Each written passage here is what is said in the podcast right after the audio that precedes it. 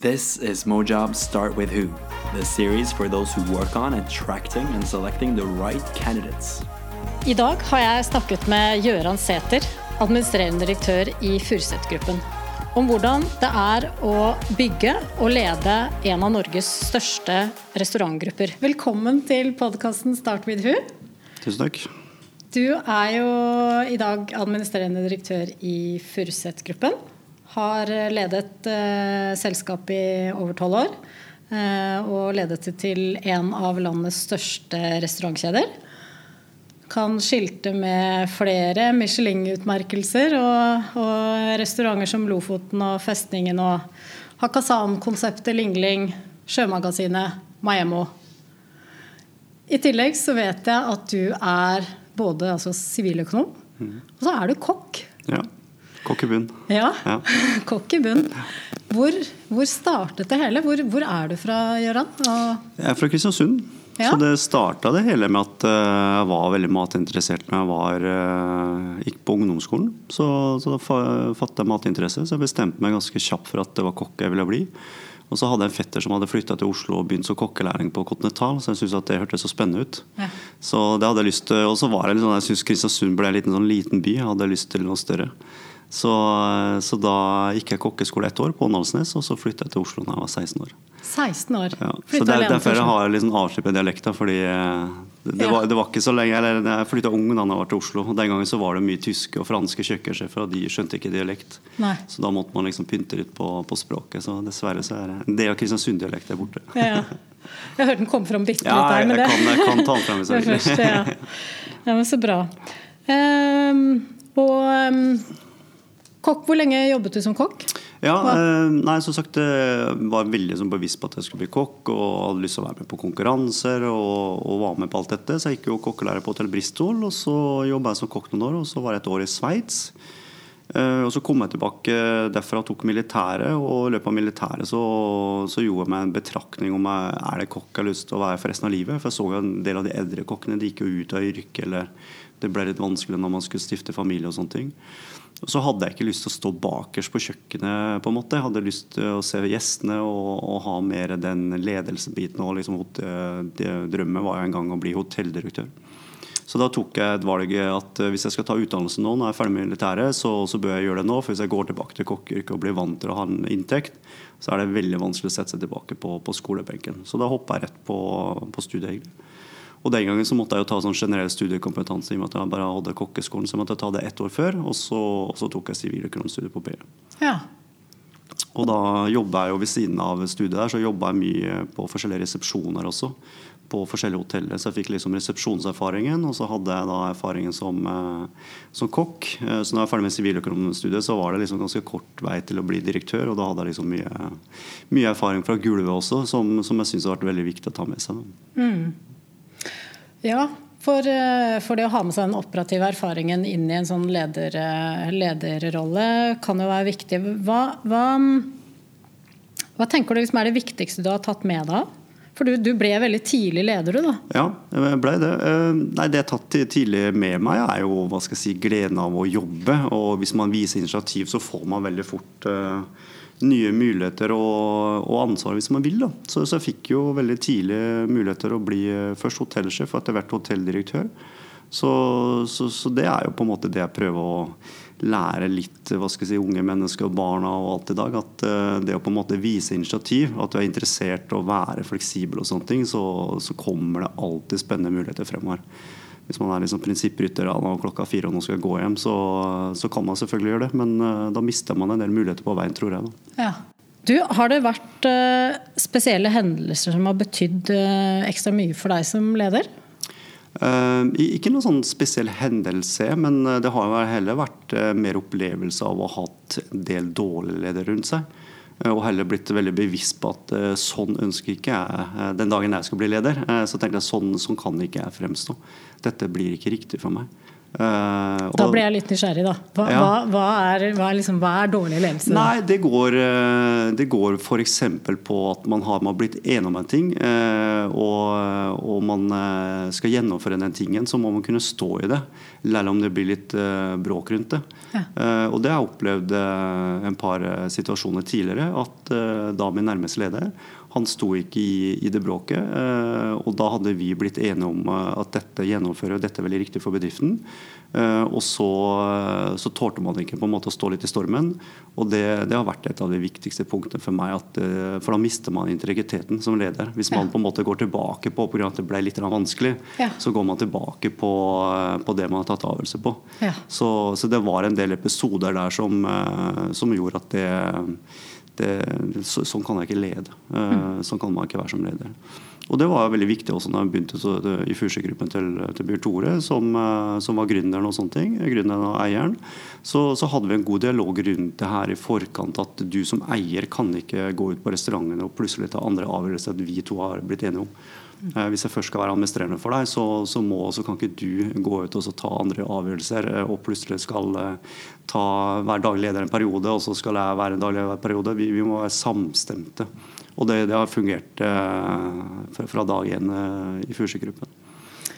Er du prinsippfast og tydelig? Ja, det, høres sånn ja, ut på ja, det er det. Ja, det er det. Det er veldig prinsippfast. Det er veldig, veldig fleksibel og, og driver på en måte med en, eh, en coachende ledestil å være mer en sparingpartner for de som på en måte rapporterer til meg, enn en sånn detaljorientert leder.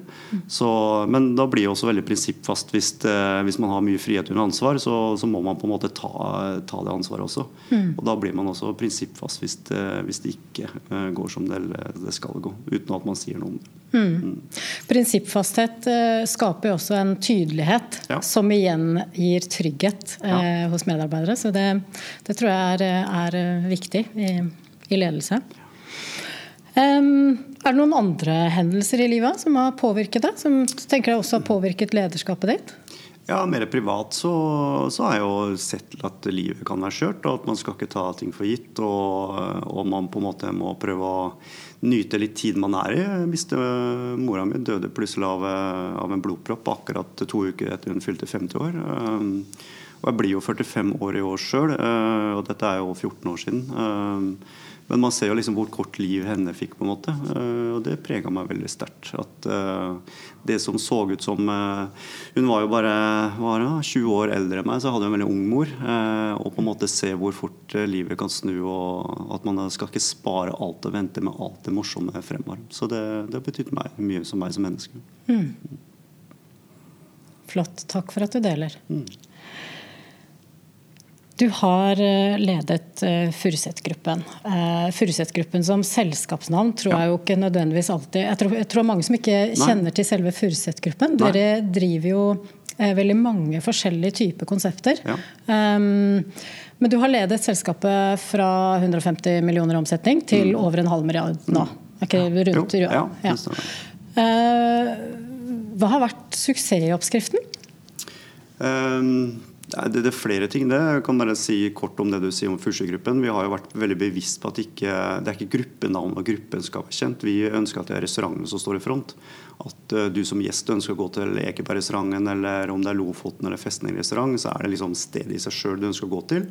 Og vi ønsker å ha restauranter med egen identitet og eget konsept. Så, så vi er jo ikke en kjede, vi er en restaurantgruppe. Så derav så, så har ikke gruppenavnet blitt så kjent, men det har jo blitt mer og mer kjent i og med å bli tråkket inn i, i disse benevnelsene når man eh, omtaler restaurantene og sånne ting, så blir jo gruppenavnet etter hvert eh, dratt inn også. Eh, Så det er mer på en måte en, som en rekrutteringsbit så har førstegruppen blitt mer kjent. Men gjester ønsker vi fortsatt at de skal gå til Ekebergrestauranten fordi at de ønsker å spise der og at de liker den restauranten. Eh, Og det er ikke noe vits for oss, eller det har ikke noen betydning om at de vet at det er samme gruppe som driver Lofoten eller noen av de andre restaurantene. Men vi ønsker at det skal være på en måte et sterkt altså At gruppenavnet sier noe om at det er gode steder. da. Eh, Det er viktig for oss. At det er eh, kjent for god kvalitet og service. Um, I forhold til uh, ja, Nå husker jeg ikke spørsmålet. Det siste Nei, eh, spørsmålet. du, liksom, hva er suksess? Ja. Hva har er de, Ja. de viktigste sånn, strategiske valgene der? Mm. Og, det, og det er klart det er fristende å spørre, fordi når man driver eh, såpass stort som dere driver, Ja. så er det jo ikke uvanlig at man eh, driver mer konseptuelt likt Ja. for å skape skalering og Ja. effektivitet i drift. Det er ofte Ja. markedsføring, hva det nå måtte være. Ja. Eh, og restaurantbransjen og egentlig Horeca-markedet, som Mm. Dere, dere, dere, dere driver jo ikke bare restauranter, men i dette markedet så er jo omløpshastigheten stor på absolutt alt, egentlig. Alt Mm. Ja. fra mennesker i større grad Ja. enn en del andre bransjer, i hvert fall fra det jeg kjenner, kjenner utenfra. Ja. Eh, og ikke minst er det jo eh, det altså Salget er jo basert på råvarer med kort Mm. Holdbarhet, store sesongvariasjoner, ganske mye logistikk.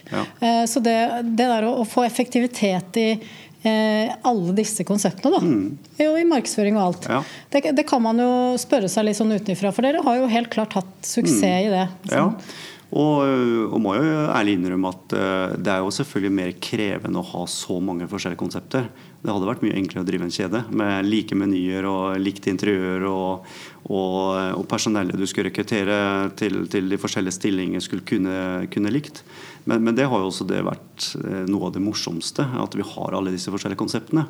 Eh, Så det krever selvfølgelig litt mer eh, fra meg som leder at jeg må ta på meg forskjellige hatter når jeg går inn i de forskjellige bedriftene. For- For Dyna Fyr f.eks., som har to ansatte. eh, Daglederen er også vertskapet på, på Dyna og jobber veldig operativt. Hun har jo en annen behov for oppfølging, eh, bli sett, andre spørsmål, ting som hun trenger hjelp til eller lurer på, enn f.eks. dagleder på Ekeberg-restaurant som har bortimot 100 ansatte. Men det er jo på en måte det som har vært veldig givende i ledelse eh, hva skal jeg si, ledelsearbeidet, da, er at det er såpass mye forskjellige mennesker og forskjellige steder at du må på en måte nesten nullstille fra, fra sted til sted. Eh, og Det er jo derfor jeg tror vi har klart å blitt så store også, for vi rendyrker dette med at hvert sted har en egen ledelse. Og de får lov å drive veldig fritt innenfor budsjett og konseptrammer. Uh, og Derfor så tror jeg suksesskriteriene til Fusji-gruppen er at vi har vokst veldig kontrollert med at vi har et uh, hovedkontor som er et støtteapparat.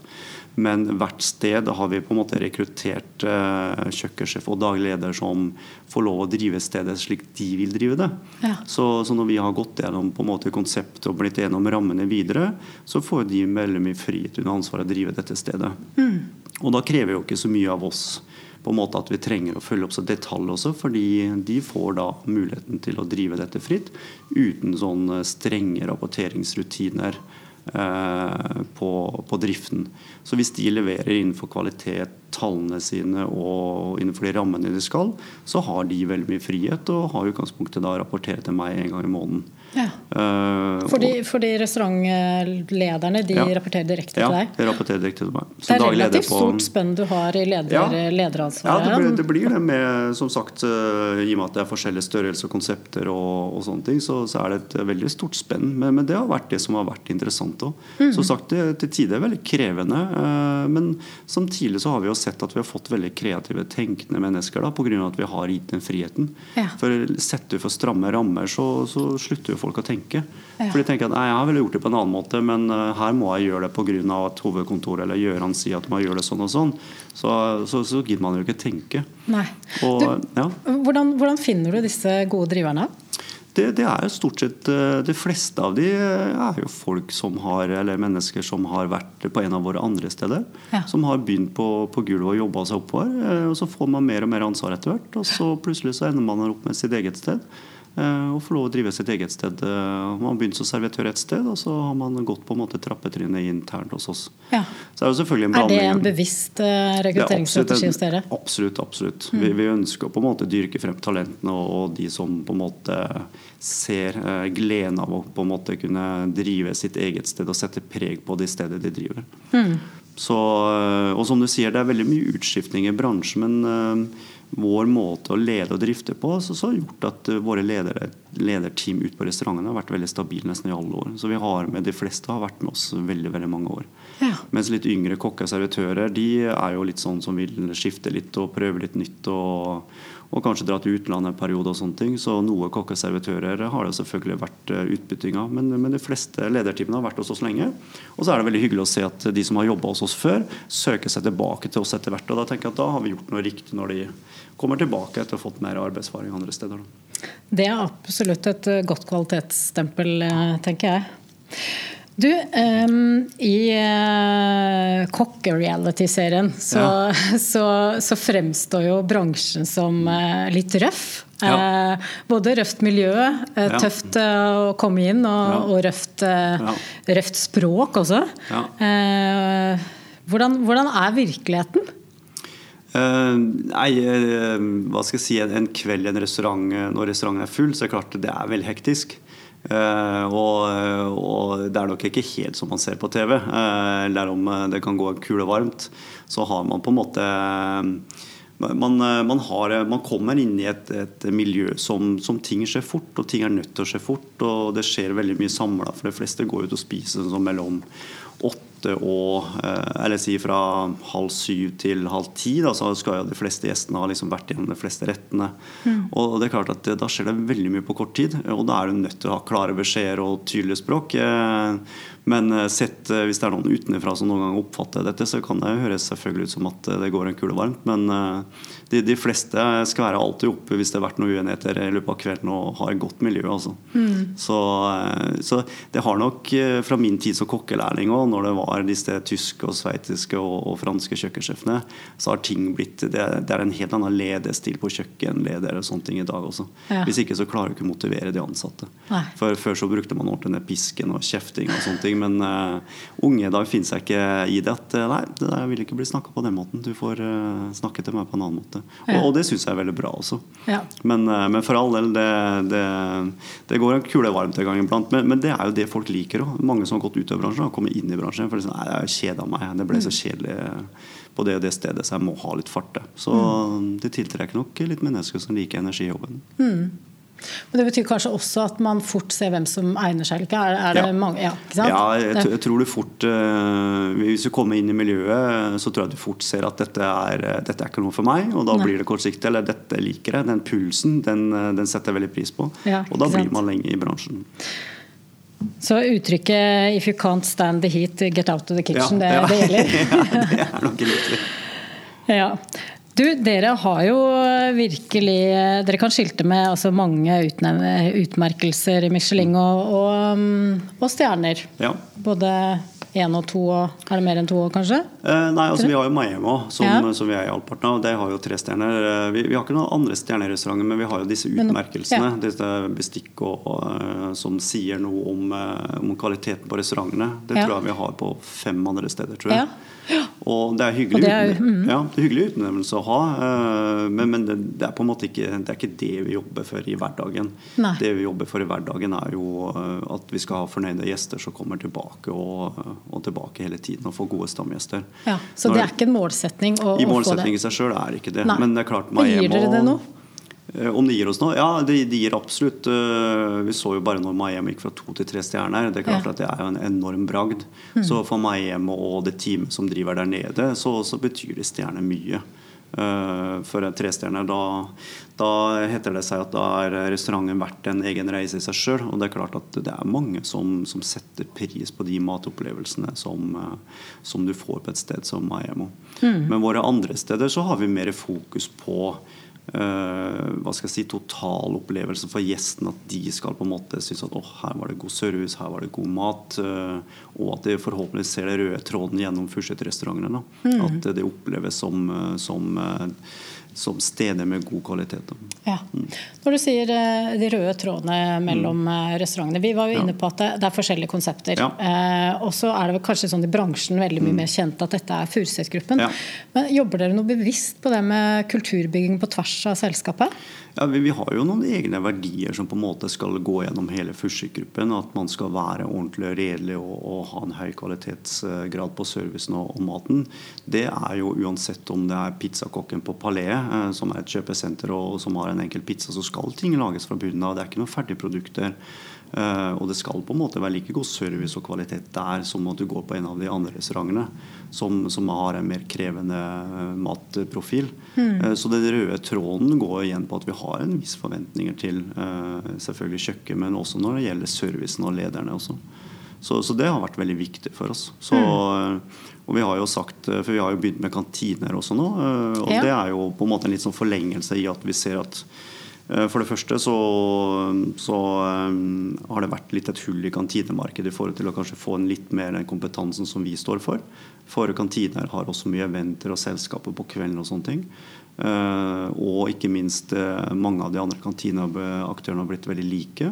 Mm. Så vi har blitt spurt lenge, uh, og så fikk vi muligheten etter hvert til å, å si at nå, nå, satser vi sammen med noen som kom fra et kantinemiljø. Mm. men vi så jo også at vi kunne bruke faktisk våre spesielt kanskje kjøkkensjefer, dagledere da, som begynner å komme i en familiesituasjon og kanskje krevende å jobbe bare kveld og helger. Mm. Så kunne man i stedet for å miste de til konkurrenter da, eller til andre kantineaktører, så kan vi faktisk beholde de i gruppa. Ja. Så, så, det har vært veldig vellykka for oss. Ja, Det høres ut som en god måte å tenke ressursutnyttelse ja. og mer langtidsansettelse. Absolutt. Absolutt. Mm. Så bra. Vi, vi, er jo nå i en tid eh, hvor vi har eh, en pandemi som fortsatt eh, herjer. Vi har vært kanskje forhåpentligvis gjennom den, den verste tiden. Det, jeg, jeg, må jo spørre deg litt om hvordan har dette vært? Jeg har sett ja. deg på NRK, mm. og, og, ja, med konseptene deres så er det ikke noe tvil om at det er en av de som er rammet kraftigst. Ja. Hvordan, hvordan, har det vært? Nei, det, det er Uten tvil det har vært eh, fortvilende og svært vanskelig. Eh, for å på en måte må stenge ned alle stedene våre og permittere alle ansatte. Det har ja, det var altså alle ansatte? Ja, og det skjedde over natta. Altså. Vi satt den samme uka som dette skjedde, så satt vi og planla åpning av uteserveringene, vårsesongen. Vi hadde noen nye restauranter og kantiner vi skulle åpne. Så, så vi satt med disse prosjekteringene og så på, på tidsløpen mot sommeren. Og så merka vi at det begynte å, å, ta seg opp, og det var færre som gikk ut på restaurantene. Og så var det hvert torsdag 12. mars. Da tror jeg Rami og Johansen gikk ut og sa at uh, ikke gå ut og spis på restaurant, spis middag hjemme, hold dere hjemme. Og den kvelden her så var det som å slå en bryter. Altså Oslo var helt tom. Mm. Altså På alle våre restauranter så hadde vi kun et fåtall gjester. Mm. Og da bestemte vi oss fredagsmål for at uh, her er vi bare nødt til å snu oss rundt. Og da bestemte vi oss for å stenge alle stedene og permittere alle ansatte. Mm. Så uh, det er selvfølgelig kjempefortvilende, for du får jo da sant, usikre hos alle ansatte som kommer og sier ja, hva skjer nå? Sant? Jeg har lån, uh, hvor mye får jeg permitteringspenger? Du får alle de spørsmålene og usikkerhetene. Så det var veldig fortvilende å se på hvor mange som på en måte ble usikre og, og hardt ramma. Mm. Og vi kunne jo ikke gi så gode gode altså En ting er jo hva skal jeg si, permitteringsreglene, men vi kunne liksom ikke si at dette varer to uker, og så får du lov å komme tilbake. Det har vært det mest krevende. at du, Den usikkerheten eh, som har gått og gnagd på at når er det vi kan få åpne igjen. Ja. Og Så begynte det å løsne litt, men så hang jo Oslo igjen på at de stengte veldig hardt ned med at du fikk ikke lov å skjenke og sånne ting. Og så så vi at uh, Oslo-borgere dro ut til Lillestrøm og Sandvika og Nesodden for å drikke øl, for der fikk de lov å sitte på restaurant og drikke øl uh, så lenge du holdt smitteverngrensen. Så vi hadde en ganske sånn krevende periode i Oslo der at vi måtte vente på uh, å få lov å begynne å skjenke igjen. Mm. Så ja. Hvordan var det å være leder i denne situasjonen? Hvordan var det å være Gjøran? Nei, da blir man egentlig veldig klar og tydelig, og, og da har man veldig fokus, egentlig. Så, så, da må man på en måte bare stå i det. Og være så støttende som man kan. Rett og slett. Uh, uansett om vi var veldig usikre på hvor, hvor går, altså, hvordan kommer vi som bedrift gjennom dette. Hvor lenge har vi penger til å drive i. Sånn, vi får jo en del usikkerhet, vi også, men det var viktig for oss å stå utad Eh, stå sammen med de ansatte og hjelpe de så godt vi kan også. Som bakforliggende så måtte vi jo jobbe med prognose og likviditetsstyring og, og legge scenarioer fremover, vi også. Mm. Så, så, vi hadde jo mange dager på kontoret der vi eh, regna på worst case scenario og og si hvordan kan vi komme oss gjennom dette, hvor lenge kan vi holde på med å være stengt. Mm. Så gikk det jo heldigvis noen uker som man så at okay, vi kan jo kanskje komme litt i gang. og liksom Vi begynte å se lysten, litt lyst på det. Men det var noen uker der som man ikke visste helt hvordan verden skulle se ut de månedene fremover. og Det, var, det er mest krevende som har vært gjennom. Mm. Hvordan ser du på det nå? Hva tror du om fremtida? Ja, jeg tror nok Jeg tror det kommer an på om det kommer denne andre smittebølgen og litt sånne ting. Men hvis man, kommer, hvis man kommer seg greit gjennom dette, så både håper jeg tror at folk glemmer fort. Da. Mm. Så jeg håper folk skal ut og spise. Sett fra vår bransje, så, så, håper jeg at folk skal gå ut og spise og, og kose seg. Og det ser vi allerede nå også. Mm. De stedene vi har åpna nå, har vi veldig godt besøkt. Og til å begynne med rundt sånn, i begynnelsen av mai og sånne ting, så har det vært mest venner og familier og par og sånne ting som har vært ute og liksom nå, nå, skal vi ut og være sosiale igjen. Og så ser vi de to siste ukene nå, så begynner business, altså bedrifter, å faktisk ta med seg avdelinger ute. Og, og, det vi har levd på i mange år, dette med representasjon, at uh, firmaer tar med seg kunder, der ser man er ikke helt i gang. For det er, det er liksom ikke helt innafor å begynne å invitere med kunder ut. Men en avdeling på 20 personer for eksempel, skal ut og ha seg en middag. Det har begynt å løsne nå. Mm. Så, så, kortsiktig så, så, tror jeg vi kommer oss greit gjennom dette. Men det kommer litt an på restriksjoner fremover. For omsetninga er foreløpig veldig lav i forhold til hva vi er vant til. Mm. Vi har jo mange store steder som Operaen og Konserthuset og ja, steder sånn som Ekeberg restaurant og Grand Café. Det er klart at det er store restauranter, så, så vi trenger mye, mye, gjester også.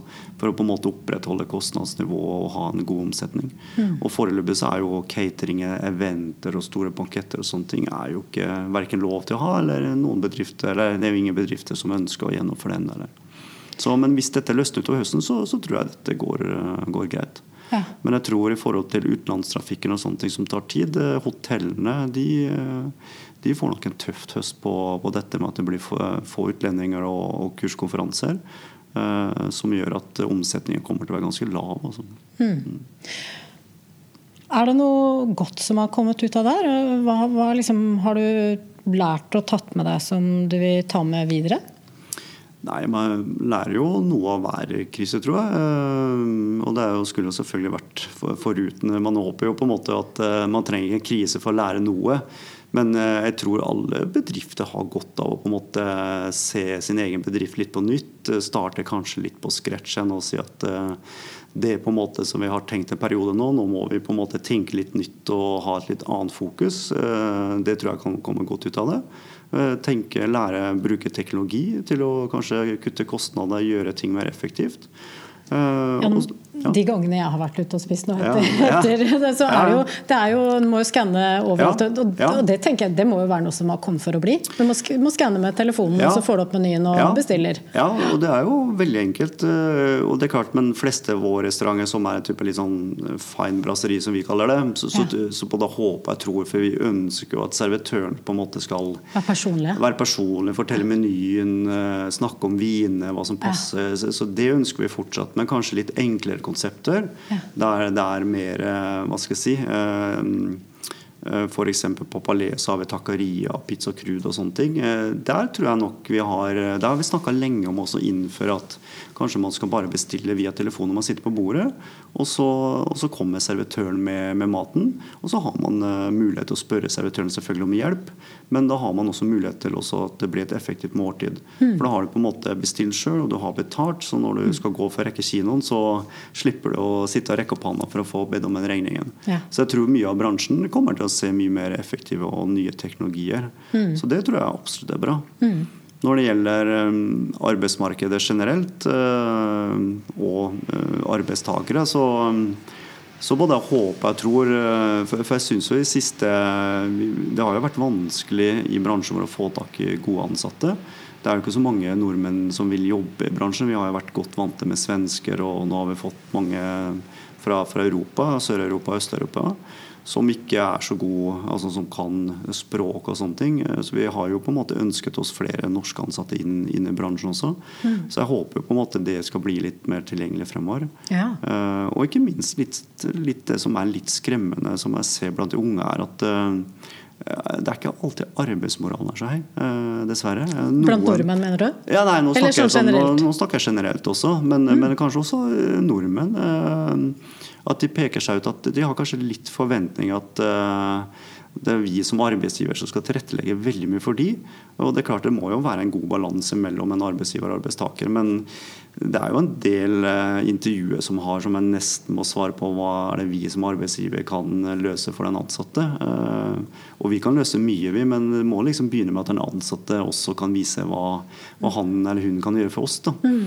Og, og, det er noen som tror at de skal gå rett inn i en, en lederstilling uten at de har på en måte gjort noe operativt og har noe erfaring på gulvet. Mm. Så, så, jeg håper liksom folk kan eh, Som sagt, arbeidsmoralen også. Er dette med å på en måte tenke seg en ekstra gang om Eh, kanskje ikke riktig å snakke om sykemeldinger nå når vi har eh, korona du bør holde deg hjemme. Mm. Men, eh, men, det å tenke seg en Har du litt vondt i hodet, så du klarer å gå på jobb. Så, men noen ganger så er det kanskje lett for mange å ta en sykemelding og ta en egenmelding og, og gjøre litt sånne ting. Så, så jeg håper også at folk setter litt mer pris på jobben. At det faktisk det er interessant å ha en, en spennende jobb å gå til. Ja. Og det, det, tror jeg mange kommer til å skjønne også nå som mange har sittet hjemme i karantene. Så da er det, nei, det er faktisk ganske ålreit å kunne komme på jobben og ha et skille mellom jobb og hjemme. og ha gode kollegaer å snakke med. Mm. Så, ja. Det kan fort være mange verdiendringer for mange. Så ja. det, det, kan være en, en god output av denne,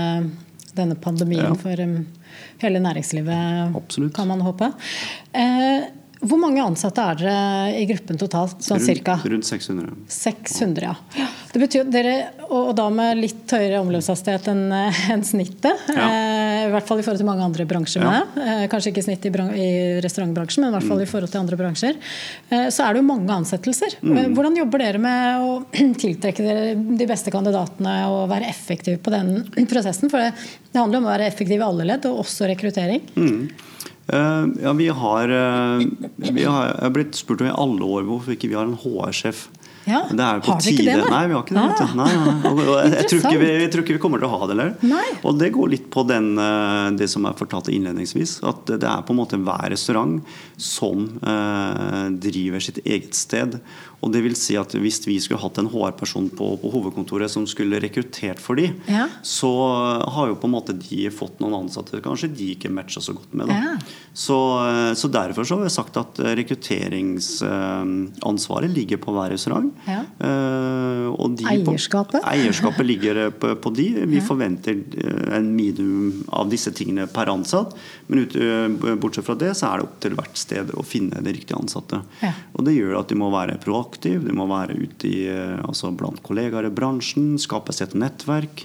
Eh, bygge seg kjennskap til hvem er det som er flinke rundt omkring. Og begynne å nappe noen tråder og, og få tak i disse flinke mm. folkene. Ja. Og, og, det har jo vært også litt sånn prøving og feiling for at du kom frem til det. For det var jo en periode også mange henvendelser kom direkte til meg, og, og jeg plasserte f.eks. en restaurantsjef ut på et sted. Så det her er en flink restaurantsjef. Så han eller henne syntes jeg du skal ansette. Hvis jeg sa dette til daglig lederen, så noen ganger så kunne det gå bra. Og, så, og hvis det ikke funka, så kommer jo denne daglig lederen tilbake og sier at denne restaurantsjefen eh, funker ikke helt. det, Og det var du som kom med den personen, så det, det, der får du ordne opp i. Mm. Og, og, det blir helt feil. Liksom. Det er derfor vi ønsker at eierskapet til ansatte skal ligge ute på stedene. Ja. Så det er, eh, det er, veldig viktig. Og, og da har de fordelene og ulempene også. Fordelen er at de ansetter flinke folk, så får jo de en enklere hverdag. Og har de vanskelige ansatte, så så må de håndtere det sjøl. Ja. Og, og, det lærer de noe av også. Mm. Det syns jeg høres veldig smart ut. Og så vet jeg jo, eh, som leder gjennom mange år og rekruttert ja. mange, så vet jeg at det å rekruttere mm. det tar utrolig mye tid. Det tar masse tid. Ja. Mm. Altså, de, har de noe som gjør den jobben liksom, automatisert, så de kan klare å liksom, skline de ut på ut på en god måte? Nok, det, det er nok litt mer sånn eh, Jeg tror restaurantbransjen kunne også blitt flinkere på å kanskje bruke teknologi og, og brukt en del verktøy der. Eh, det er nok mye at man møtes og tar en kaffe og, og går gjennom de forskjellige tingene man snakker om i forhold til forventninger og forhåpninger. Mm. Men, men, det har vært et, absolutt et fokus fra oss på at man skal være mye mer nøye på altså hvordan man, si, hvordan man ansetter en person. Da. For mm. det som ofte har skjedd, er at hvis det er en person som ikke fungerer, så, så viser det seg i ettertid sånn, så har denne personen kanskje ikke fungert på et annet sted. Mm. Og Da blir jo mitt spørsmål til dagleder eller kjøkkensjef eller hvem det er, eh, ok, men hva sa referansene, da? Mm. Og det er sånn typisk ja, nei, det rakk vi ikke å sjekke. Mm. Så, så vi har jo på en måte lagd mye mer klare rammer og strukturer på hvordan man skal ansette. Ikke minst coacha de hadde opplæring eh, med forskjellige headhuntere på hvordan man skal stille de gode spørsmålene på intervjuer, referanseintervjuer og sånne ting. For å bli mer proffe. Da. Men, eh, men ofte så dessverre, i og med at det har vært manko av eh, å få tak i folk, så, så går noen ansettelsesprosesser litt fort. Men stort sett så får man svi for det. Altså, noen ganger så er man kjempeheldig og traff veldig. Andre ganger så sitter man og må rydde opp og har en vanskelig ansatt, og det er krevende. Referanse er viktig. Skjønner Det er kjempeviktig. Det er kjempeviktig. Du, når du rekrutterer til ditt team, hva, hva legger du vekt på? For meg så er det viktigste med å ha et, et stort engasjement. Øh, Å være nysgjerrig, øh, å være engasjert. Det, det merker jeg med en gang synes jeg, når, jeg, når jeg snakker med folk. Um, Og så i og med at jeg har styrken, eller i og med at jeg har på en måte jobba på gulvet sjøl og har den operative erfaringen og har en utdannelse, så, så syns jeg det er en veldig fin kombinasjon. Så, Ja, det må det være. Ja, og, og det prøver jeg altså å se i nyansatte som vi rekrutterer også. Så skal man ikke utelukke hvis det er noen som bare har operativ erfaring eller bare har utdannelse. Men jeg prøver så godt jeg kan å ansette folk som har begge delene. For operative, da vet du hva som skjer på daglig basis. Og når du har hatt eh, en utdannelse som, som har en, eh, om det er merkantil eller eh, hva slags utdannelse man har, så har man i hvert fall vært igjennom en god del av eh, hva skal jeg si, eh, teorier og tilnærming og, vært gjennom en teoretisk eh, prosess og, stått for noe der også. Mm. så, så den kombinasjonen der, den, eh, den syns jeg har fungert veldig bra. Men når det kommer til eh, vår bransje, så, så har jeg ofte rekruttert folk som ikke har så mye bransjeerfaring. Men det har jeg tenkt at så lenge den personen har et engasjement og har den energien som jeg føler den personen har, så skal vi alltid få lært den personen eh, bransjen vår, og Ja, hvordan snakker, den fungerer. Ja, for da snakker du om ledere, ikke sant? Da snakker vi om ledere. Ja. Mm. Dette kan være en dagleder ute på restaurantene som kanskje ikke har så mye erfaring fra restaurantene. Og så snakker vi om hovedkontoret, som vi har et stort salg- og markedsapparat og administrasjonsapparat. Mm. Så, så har vi ansatt mange som ikke har direkte tilknytning til bransjen.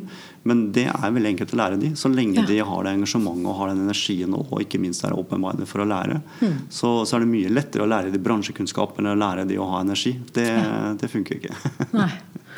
Ja, for, for det, I restaurantbransjen så innbiller jeg meg at det er, det er jo mange med, med mye kreative sider. Ja, og det, jo, det skal jo lages nye menyer, og man har passion for mat. Ja, ja, ja. Eh, og, og det å drive lønnsomt i Ja. denne bransjen, det er Ja. jo en kombinasjon av hard logistikk Absolutt, absolutt. på alle Ja, ja. områder, på en måte, og, Ja. og den passion for mat. Da. Ja. Så jeg kan se for meg at det, at, at det å tenke kombinasjon er viktig i kompetanse.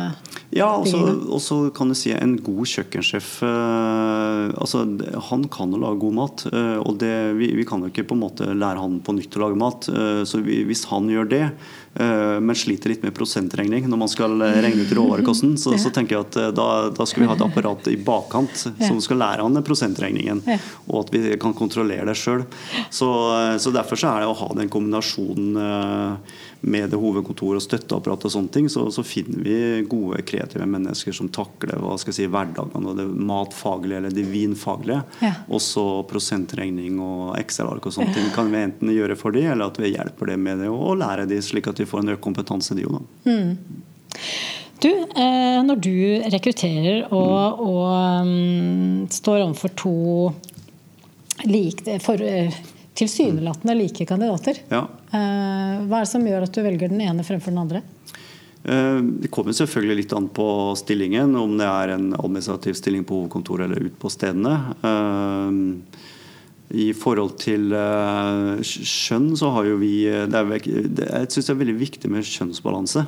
Men vi har jo nesten et omvendt problem. altså Vi har jo nesten 80% av våre dagledere og ledere på hovedkontoret er jo kvinner. Så jeg skulle ønske meg mer menn. Ah, Eh, så, så vi burde jo nesten fått en pris for uh, alle dere får melde dere på Equality Ja, Check ja, eller noen av disse, Ja, ja, ja. disse kvinnebarometerne. For, for, for det har selvfølgelig når man uh, på en måte ser etter kandidater som skal på en måte ende på hovedkontoret ute på stedene, så ønsker man en god balanse.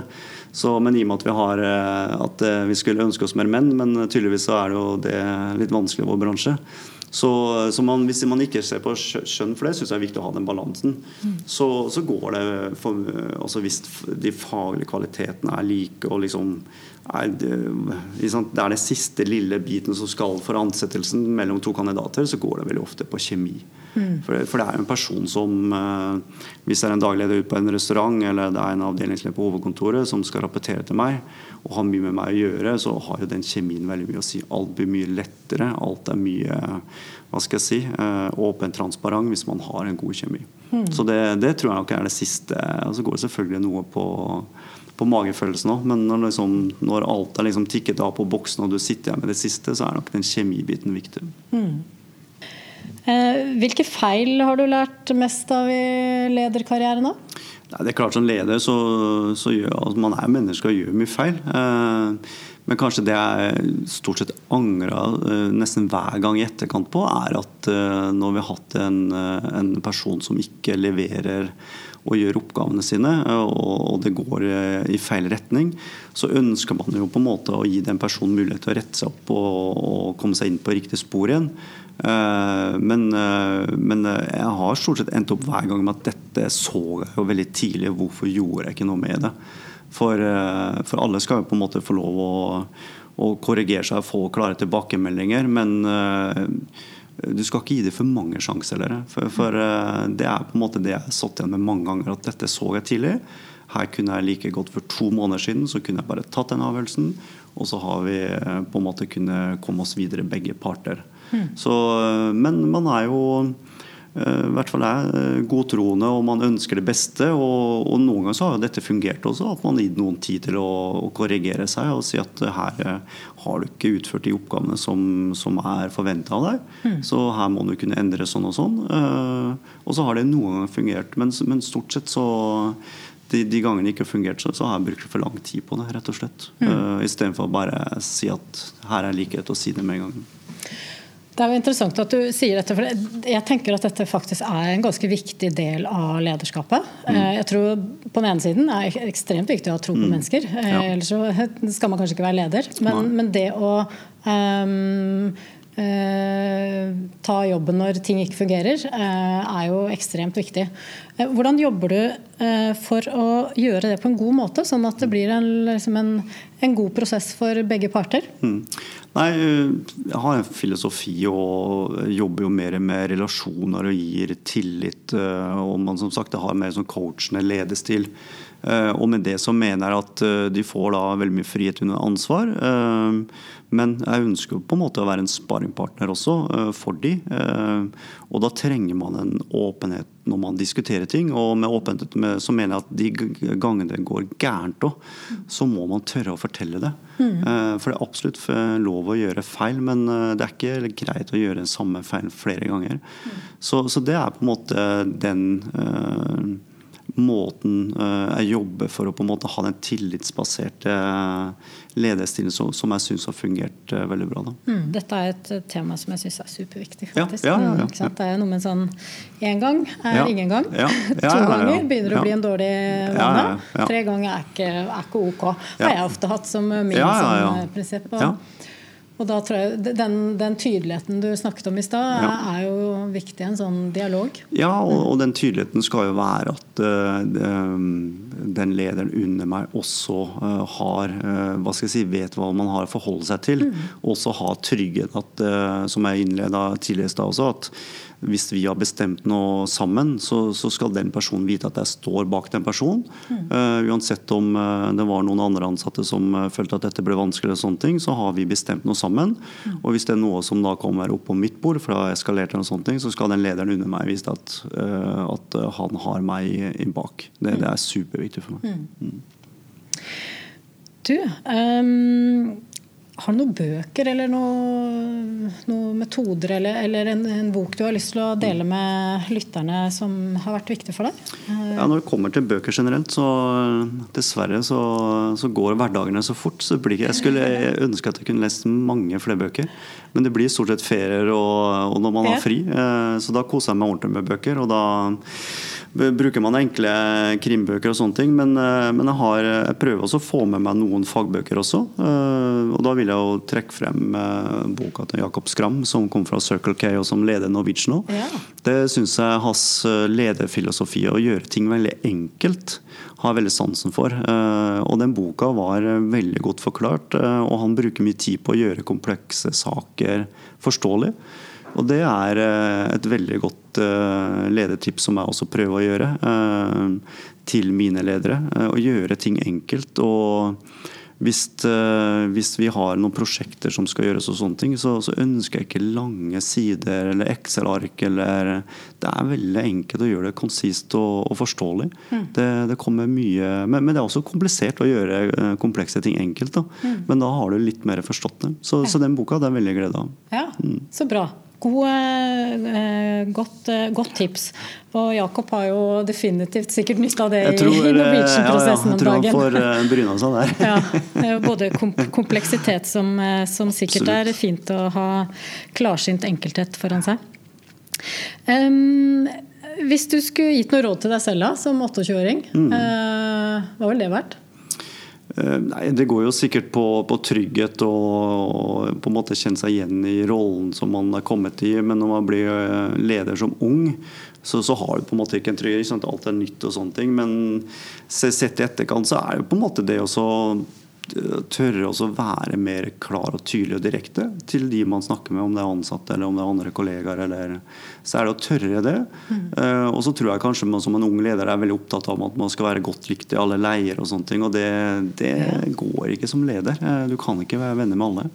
Mm. Men det tror jeg mange, som i hvert fall ung, da, at man tenker kanskje litt for mye på at uh, hva syns de og de personene eller den og den avdelingen om meg? Og så bruker man veldig mye tid på noe som man egentlig ikke kan få gjort noe med. For det blir tenkt mye og det blir sagt mye, men du får ikke gjort noe med det. Mm. Og det er på en måte å ha roen og liksom bare ja, Jeg mener at jeg gjør det riktige, og jeg står i det. Og hva folk snakker om meg, det, det må jeg bare tåle. For mm. ledere er utsatt for det uansett. Mm. Men du får ikke gjort noe med det. Så det, det, tror jeg er et av de beste rådene. Det er jo noe som heter at eh, ledelse er jo ikke et popularitetskonkurranse. Nei, det er det absolutt ikke. noe annet du har lyst til å dele med lytterne? Uh, ja, Det er jo litt det vi var inne på i stad. Uh, at Hvis vi skal bruke litt den tiden vi er i nå og kunne se noen lyspunkter i denne koronakrisen og det som har skjedd, så, så håper jeg at vi får et styrka næringsliv der på en måte arbeidsinnsats er mye mer givende og folk gleder seg til å gå mer på jobb og kanskje får en litt sånn høyere arbeidsmoral blant, blant uh, de, de, som har de forskjellige stillingene rundt omkring. Mm. Bra. Takk. Hei sann, håper du lærte noe fra intervjuet der. Og om du har lyst til å lære mer om dette veldig spennende temaet, så har vi laga en e-bok som heter 'Rekruttering i 2019'. Eh, og du kan laste ned den e-boka helt gratis nå ved å trykke på linken i innlegget her. Lykke til.